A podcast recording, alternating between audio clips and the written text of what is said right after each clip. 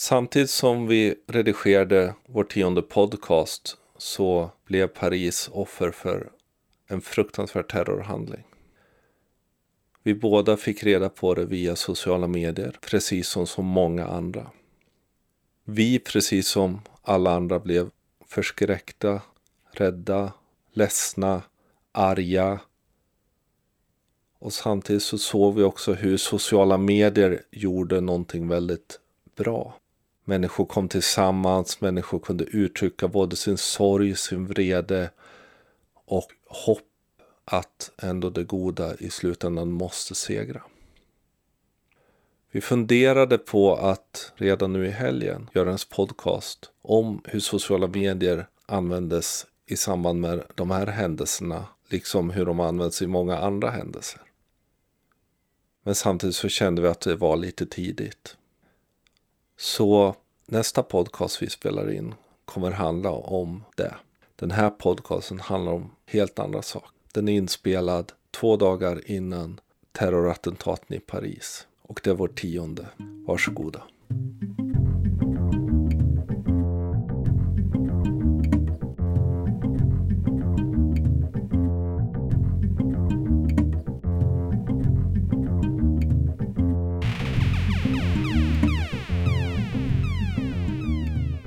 Hej! Dags igen för ett avsnitt av vår podcast Social by Default. Det är vi, eh, Deeped Niklas Strand och jag, Sara Larsson Bernhardt, som tillsammans är konceptet Social by Default. Och eh, podcasten, precis som konceptet, är ett samarbete mellan Knowit och United Power. Precis, har ni frågor till oss eller åsikter om programmet, twittra gärna med hashtaggen Social by Default eller fråga oss på Facebook-sidan. Hej Sara! Hej. Idag sitter vi på varsin plats. Ja, jag är i Göteborg och du hemma i Borlänge. Ja, precis. Hur är det? Det är rätt bra faktiskt. Jag har kommit tillbaka från min semester, känner mig utvilad och eh, har eh, jättemycket att göra. Så det har varit två, tre ganska omtumlande dagar. Men jätteroligt att vara tillbaka igen. Och du är inte rädd för strålning? Nej, eh, jag höll föreläsning idag för ett gäng där det var en äldre man som, eh, när jag pratade om, om det här med hur mycket vi använder våra mobiler och att vi sällan är längre från våra mobiltelefoner än en halv meter, som frågade om jag var rädd för strålningen. Och då sa jag att nej, eh, den håller mig brun och fin.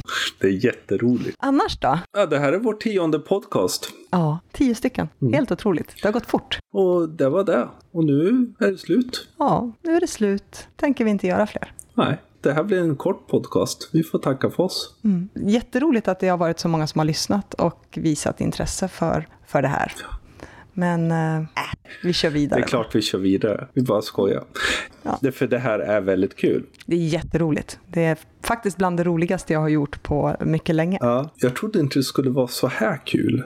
Jag är ju en textmänniska. Även om vi föreläser och sådär så är ju jag med att skriva för mig är det intressant. Men det här är jätteroligt.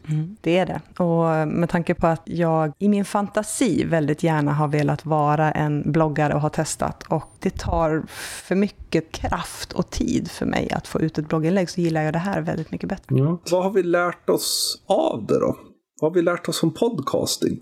Det handlar ju lite grann om att det är olika tycke och smak, självklart. Personligen så gillar jag de här lite kortare poddarna och vi har också fått en del uppskattning för att de är just korta och inte uppåt en timme långa. Men framför allt så har väl vi lärt oss att de poddar som har gått bäst har haft ett givet tema och dessutom ett eh, strukturerat punktmanus där vi faktiskt vet vem som, vem som driver vad. Ja, precis. Och det som har varit intressant där är ju att vi verkligen jobbar ganska redaktionellt med det här tillsammans.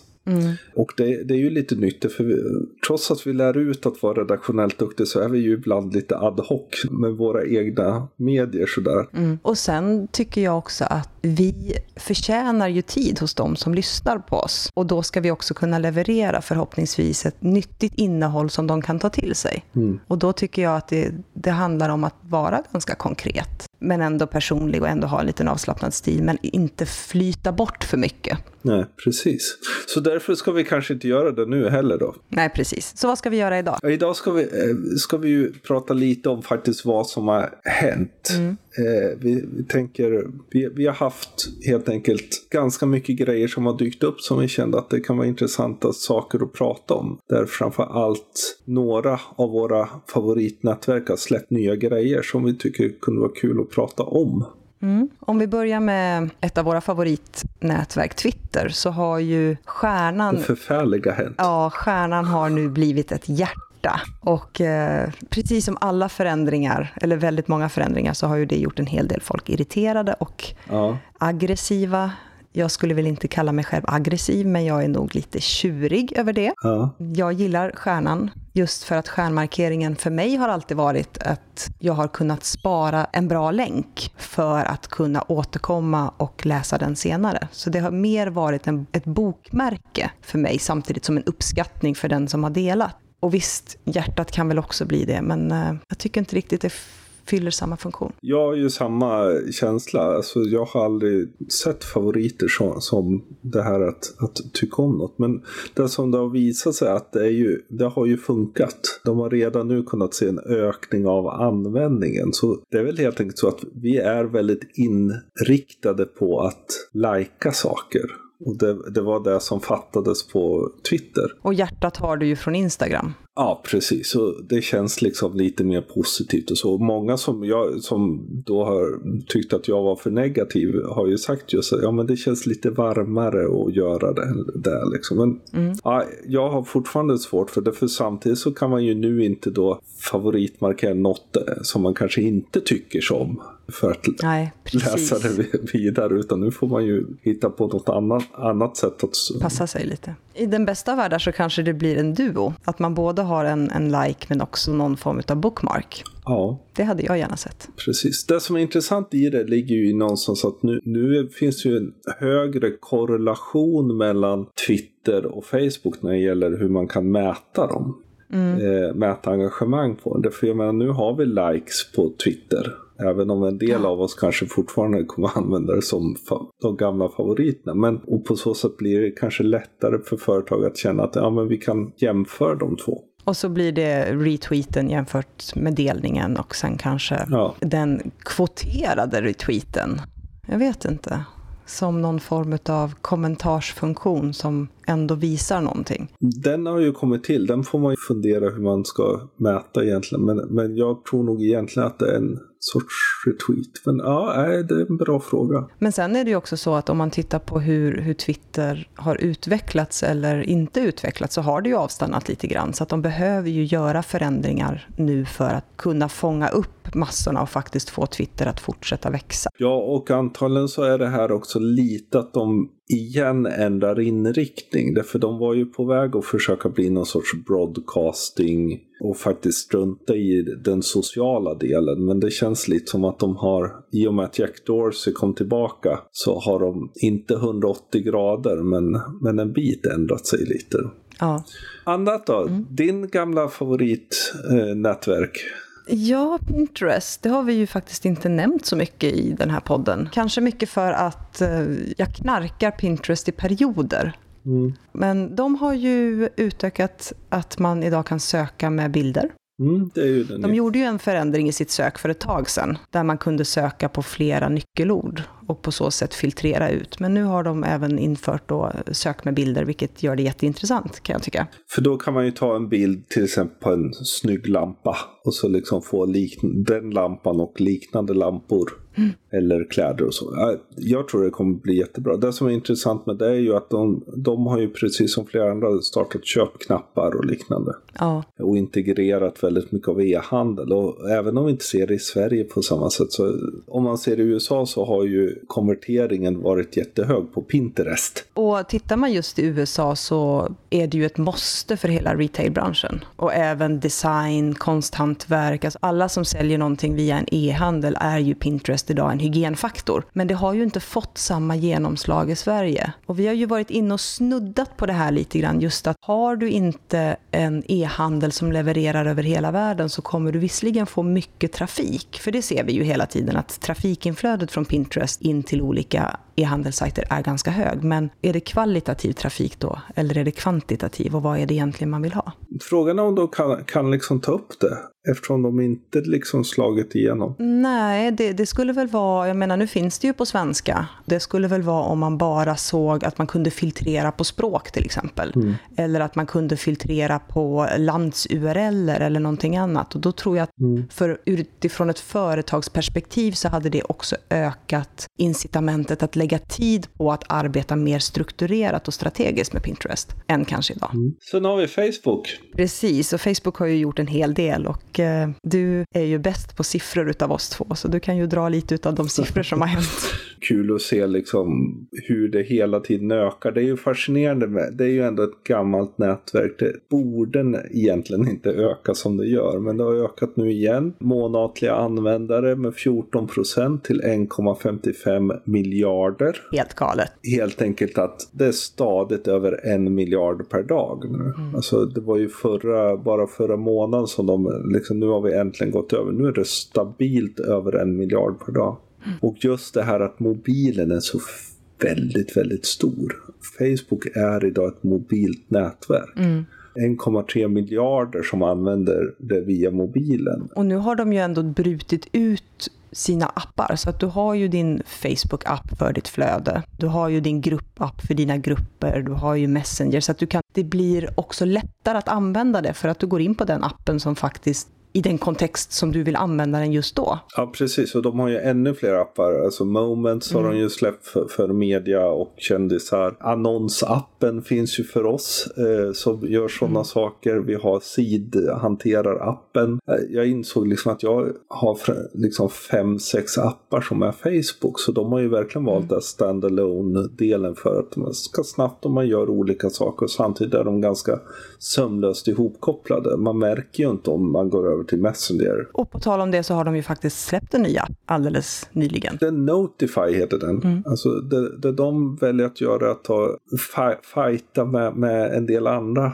befintliga appar. Det är helt enkelt att man kan välja ut sina nyhetsflöden och få dem, inte i själva appen utan då i låsskärmen i, alltså som notifieringar. Det är smart. Ja, och det är, det är ju en del att prata ett tag om, just att notifieringar är den nya grejen. Mm. Liksom, att vi, vi kommer på ett helt annat sätt liksom vilja ha saker som plingar till eller notifiera oss om saker istället för att alltid behöva gå in och kolla saker. Och nu ska jag provtänka lite, men det kan, kan ju också ha att göra med att vi börjar använda oss mer av glanceables, alltså eh, smarta klockor och så liknande. Att vi får det och vi kan kika, är det någonting som är viktigt, ja men då kan vi faktiskt öppna telefonen och vi kan fördjupa oss i det. Är det inte någonting som är viktigt, nej men då kan vi låta det vara. Har en massa appar som man faktiskt inte använder, för man kommer inte på att man ska använda dem. Nej. Det Facebook gör liksom att de tänker, ja men den här appen kommer kanske folk inte komma ihåg att använda, men då ser vi till att de får reda på innehållet ändå. Mm. Och jag märkte just när det gäller push-notifikationer så satte jag på det för GP för ett litet tag sedan och jag läser väldigt, väldigt mycket mer nyheter nu än vad jag gjorde för, ett, för mm. ja, två, tre veckor sedan. Just för att jag får nyheterna pushade. Sen har jag stängt av väldigt många andra. Men just nyhetsflöde för mig är intressant. Så mm. det här blir en bra utveckling. Ja, och det tycker jag är kul just med Omnis eh, Flash flashar då, mm. dels notifierar. När man sitter ett helt gäng som använder Omni så liksom är det så här pling, pling, pling, pling, plingar i allas telefoner. Och då vet man att det har kommit en flash från Omni. Och det här är ju självklart att det här blir ju en utmaning mot Omni. Mm. Om det här skulle släppas för svenska nyheter. Sen Omni har ju en nytta i att de liksom är ju samtidigt också de som kuraterar. Precis, det, det verkar ju inte det här bli. Utan det här blir ju mer att det kommer kopplas ihop säkert med instant articles. Mm. Och sen har de eh, förändrat sitt sök en del, eller hur? Ja, väldigt mycket. Mm, de har ju inte riktigt varit sådär jätteduktiga på sök. Alltså söket på Facebook har ju varit eh, en stor skämskudde som man bara har irriterat sig över. De har släppt upp nu nya postningar i sökindexet, tre biljoner. Några stycken. Så i princip allting som är öppet kommer vara sökbart på Facebook är tanken. Mm. Eh, och det, dels så handlar ju det, vill man inte det så får man ju faktiskt sätta in det i sina säkerhetsinställningar. Därför. Men sen är det ju självklart att det här kommer ju vara intressant för många av oss marknadsförare självklart. Att se vad som pratas om på mm. Facebook, för det har vi ju inte kunnat gjort. Nej, inte på samma sätt. Det är kanske därför Twitter ändå har växt sig ganska stort som prat i marknadsföring. Därför att där har man kunnat titta på vad som har hänt. Men det här blir ju också intressant just eftersom eh, Facebook stängde ju ner möjligheterna för eh, omvärldsbevakningsprogrammen att faktiskt gå in och plocka upp saker. Och tar väl den då all, själva i och med sökfunktionen förändras nu. Ja. Så då kommer man återigen vara tvungna att vara inne på Facebook för att nyttja omvärldsbevakningen. Och det, de är ju smarta på det sättet. Eller om de bygger ett API, det, det får vi ju se liksom. Men, men det är ju, de vill ju att vi ska vara där liksom och jobba med. Sen eh, så jobbar de också med det lokala. Eh, de, har, de startar ju det här Place Tips Mm. När, man, när man loggar in någonstans så, eller, eller så här, checkar in någonstans så får man upp en helt... Gör folk det fortfarande? Ja, en del gör ju det och då får du ju upp idag en, en helt ny ruta när du har gjort det. Med då tips om saker runt omkring och det där håller på att utvecklas. Det är intressant att se vad affärer gör av det. För det här hänger ju också sen ihop med deras beckon-system och så där de gör. Just det.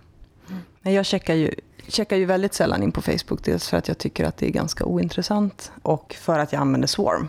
Sen så åter, har de återlanserat Notes faktiskt. Kommer du ihåg Notes? Mm, ett bloggverktyg. Ja. ja, jag var inte så insatt då, men jag vet att det var ett bloggverktyg som, som fanns som försvann ett tag. De sa ju att det skulle försvinna eller spara ner allting men sen så lät de det vara och istället så har de nu relanserat det och ganska rejält. Och de har gjort det precis nu att släppt upp det väldigt mycket och tittar man när någon gör en note så tar den oerhört stor plats i sin eh, i newsfeeden. Men är det här också för, för sidor? Nej. Eller är det bara för privatpersoner? Det blir liksom som LinkedIn, att det är mm. bara personer. Ja, då är de ju där och slåss med puls då egentligen. Att försöka få folk att någonstans kanske få en högre viralitet genom att blogga via notes. Precis som man upptäcker att inlägg som bloggas via Puls på LinkedIn idag faktiskt får en bättre spridning än de kanske små korta uppdateringar som man vanligtvis gör. Precis, och sen så är, är, är det ju också en, en utmanare mot medium. Mm. De är lite luriga för att de försöker ju verkligen ta över varje del av vår digitala vardag. Mm. Hur mycket jag än älskar Facebook så finns det någonting litet i mig som ja, sitter och skaver lite grann. Jag vet inte. Facebook tänker bli internet. Liksom att, att bygga, liksom bygga in. Det är väl kanske därför de fortfarande växer. Därför de förnyar sig hela tiden och skapar saker som fyller behov istället för att bara skapa intressanta tekniska lösningar. Mm. Det, för det, det, är ju sällan de egentligen gör någon ny teknisk lösning utan de tittar vad andra gör och sen så gör de det lite bättre och integrerat i sitt och det blir liksom jaha, nej men kolla vad kul, ja men då kan jag blogga där för här är ju alla mina vänner. Liksom. Ja, och där är vi redan väldigt mycket. Mm. Men på tal om bloggar då. Mm. En grej som vi hittade är ju Tumblr. Ja, ja, Tumblr har ju också gått nu samma väg som eh, väldigt alla andra sociala plattformar, kanske man ska säga. De har ju i dagarna rullat ut en eh, instant messaging, mm. vilket innebär att, att du kan skicka DM och chatta både för webb och mobil. Precis som Facebook har sin Messenger-app, precis som LinkedIn nu alldeles nyligen ändrat sin mailfunktion till att bli mer utav en chattfunktion, så rullar Tumblr ut det här också. Precis, och Instagram har en DM-funktion. De flesta mm. har ju det. Och det är ju intressant, för det, frågan är, kommer det här till slut döda mailen eller är det helt enkelt att vi, de försöker haka på WhatsApp och av Messenger i sig, liksom att, att vi är mer chatt inriktade. Ja, och jag tror också att man ser att om vi har haft en period ganska långt tillbaka när vi har varit väldigt transparenta med allt, så tror jag också att vi har en tendens nu att bli mer one-to-one. Och alltså hela dark social, allting som delas bakom växer ju mer och mer. Och då gäller det ju att de här nätverken faktiskt utvecklas så att det blir enkelt för oss. För det handlar ju hela tiden om enkelheten. Mm. Och då behöver de addera de här funktionerna. Ja, precis. För det är ju, det är ju liksom, hittar man en bra bild på, på eh, Instagram så delar man ju gärna den hellre kanske via DM på Instagram än att hålla på och leta efter någon länk och dela ut den. Mm. Om till exempel jag bara vill visa dig en bild där Men, men alltså Tumblr, är det någon som använder det då? Ja, det är det ju. Största användningsgruppen är väl någon relativt unga, men inte så unga som Snapchat-användarna, utan någonstans 20-25 upp till 35 är de väl, de flesta. Mm. Mycket, väldigt mycket inom design, mode, illustrationer, grafisk formgivning, alltså där det visuella är väldigt drivande. Det är ju Tumblr egentligen perfekt för. Och det är ju enkelt att dela och enkelt att följa och många snygga vad ska man säga, gränssnitt som man kan göra när man skapar sin egen Tumblr-blogg. Mm. Och det är väldigt lätt.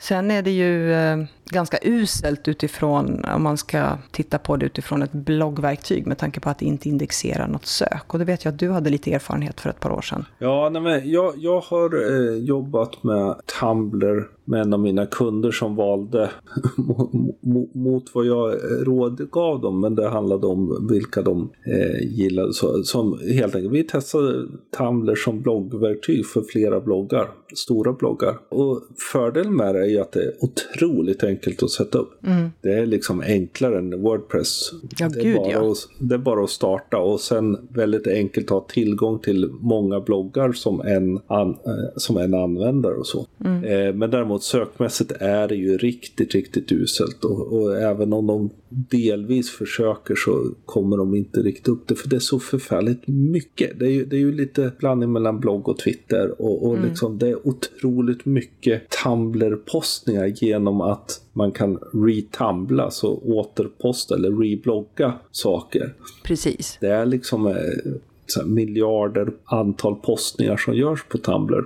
Men det är ju bra utifrån om man vill snabbt få upp någonting och det vi har sett väldigt mycket av, eh, bortsett då ifrån hela det här mode, snygga bilder, grafisk design och så, det är ju att företag kan använda det som kampanjsidor eller landningssidor ganska enkelt. Där vet vi ju, vår favorit General Electric har bland annat haft en, både för sina Six Second Science och sen så har de ett antal Tumblr-bloggar utifrån um, deras innovationer och så. Coca-Cola har använt det för, för se, eh, sina grejer. Framförallt när de gör grejer på Snapchat så behöver man ju någonstans att föra folk och att starta i då deras vanliga CMS en, liksom landningssida. Det är väldigt svårt eh, och kräver mycket. Ja, men då startar man en Tumblr-sida där man liksom har, har en enkel URL som, och det är igenkänt och känns lite ungt. Transport for London gjorde ju en stor kampanj om vett och etikett i tunnelbanesystemet för något år sedan. Och då där de bjöd in ett antal poeter och ett antal illustratörer som fick både göra snygga delbara bilder med då hur man ska bete sig i tunnelbanan. Då hade de en Tumblr-blogg som en samlingsplats just för att kunna spridas enkelt och delas enkelt. Ja, och de har ju använt det för flera andra kampanjer. Väldigt intressant sätt att jobba. Mm. Så att mycket, mycket visuellt definitivt och kanske mm. inte riktigt det där jättebra för uh, skriven text. Men sen är det ju också många GIFs och mems. Alltså det finns ju tusentals Tumblr-bloggar. Mm med just de här små loppade roliga grejerna. Och för oss här i västvärlden så kan det ju vara just de här tokroliga grejerna som man lägger upp. Och så fort det händer någonting så är det folk väldigt snabba med att skapa parodier på och just via Tumblr-bloggar. Men jag lyssnade på en föreläsning för två år sedan på The Conference, tror jag det var. Mm. Där det var någon som pratade om att många av de här memsen som vi kanske inte riktigt förstår har ett djupliggande politiskt budskap. Och just i starka diktaturer så används de här för att föra fram politiska budskap och delas på nätet. Men det är inte det vi ser som, som är budskapet, utan det ligger väldigt mycket underliggande. Mm. Så det har någonstans blivit ett sätt att föra fram sina åsikter i, ett, i en utomståendes ögon ett ganska banalt eller naivt bildspråk. Mm. Och säkert också fördelen att Tumblr är så relativt okänt. Mm. Det är liksom, gör du det på Facebook så kommer det synas och Facebook kommer bli oro, kanske lite oroade eh, och det försvinner eller Twitter väldigt liksom synligt och känt och sådär. Men Tumblr är liksom lite sådär subkulturplats också. Mm. Eh, mm. Frågan är väl vad som händer. Yahoo äger ju Tumblr. Mm. Eh, och, och, även om Yahoo förut haft en tendens att ibland stänga ner ganska stora saker så är väl frågan om, om de gör det här. Men... Det har funnits för länge. Jag skulle bli tveksam till att de gör det. Spännande. Har man inte testat så, så tycker jag att man ändå ska ge, mm. gå in och kanske testa på det. Eh, vi har ju våra show notes där. Till eh, podcasten ja. Eh, till podcasten. Det gjorde ju jag utan att fråga. Jag litar på dig. Men tankarna bakom, hur kommer det sig att du valde just Tumblr? Tanken bakom var att eh, jag kände att det kommer vara så lite innehåll så det finns ingen större mening att tänka söket på det faktiskt. Mm. Eh, man söker sällan efter podcast via Google. Eh, så, så det behövde jag inte. Däremot att få upp det snabbt. Mm. Det är ganska enkelt att göra det ganska mallat helt enkelt. Att jag lägger upp länken som rubrik. Eh, jag fyller på med show notes, eh, länkar och liknande. Och sen är det klart. Så alltså, att lansera en podcast är ett antal steg. Eh, man vill gärna att det ska gå ganska snabbt och då behöver man ett, ett nätverk som går ganska snabbt att posta upp saker på. Eh, det kändes som ett bra val i det här läget. Och för er då som inte har varit inne på vår Tumblr-blogg eh, så heter den ju socialbydefault.tumblr.com och efter varje podcast så lägger vi upp länkar till det vi har pratat om. Om det är så att ni vill fördjupa er lite mer eller läsa en del av de grundlänkar som vi har gått igenom. Så det kan vara intressant att faktiskt scrolla in där och, och se vad som ligger efter varje podcast. Det, då började vi podcasten och slutade podcasten. Vad eh, har vi på gång nu? Ja, vi har ju eh, ett nytt strategiprojekt som vi ska starta upp. Eh, ännu en stor strategi för ett stort företag. Så det är jätteroligt. Och sen har vi, eh, vi har en bergskurs som är full sedan länge tillbaka i december. Ja, internetdagarna som kommer där. Mm. Du fick ett nytt projekt här idag. Skitkul. Mm. Lite... Min plan är att dra med dig lite senare ja, precis. i projektet det, det när vi har kommit till steg alla, två. I alla våra projekt. Sådär. Och jag ska rodda runt lite med lite United Power-grejer. Mm. Jag, jag, är ju nu mera li, lite mer närvarande än jag har varit det senaste halvåret ja, på byrån också. Så mycket på gång. Nästa gång vi eh, poddar gör vi det nog i samma rum, skulle jag mm. gissa. Mm. Eh, du kommer ner till Göteborg. Precis. Så det ska bli kul. Tills dess så får ni ha det bra. Tack för att ni har lyssnat. Ja. Och eh, vill ni oss något så heter vi ju atdeeped på Twitter och atsanasi. Kom med feedback och glöm inte att prenumerera på vår podcast via iTunes för det, då blir vi väldigt glada. Gör det. Tack för oss. Tack snälla. Hej då.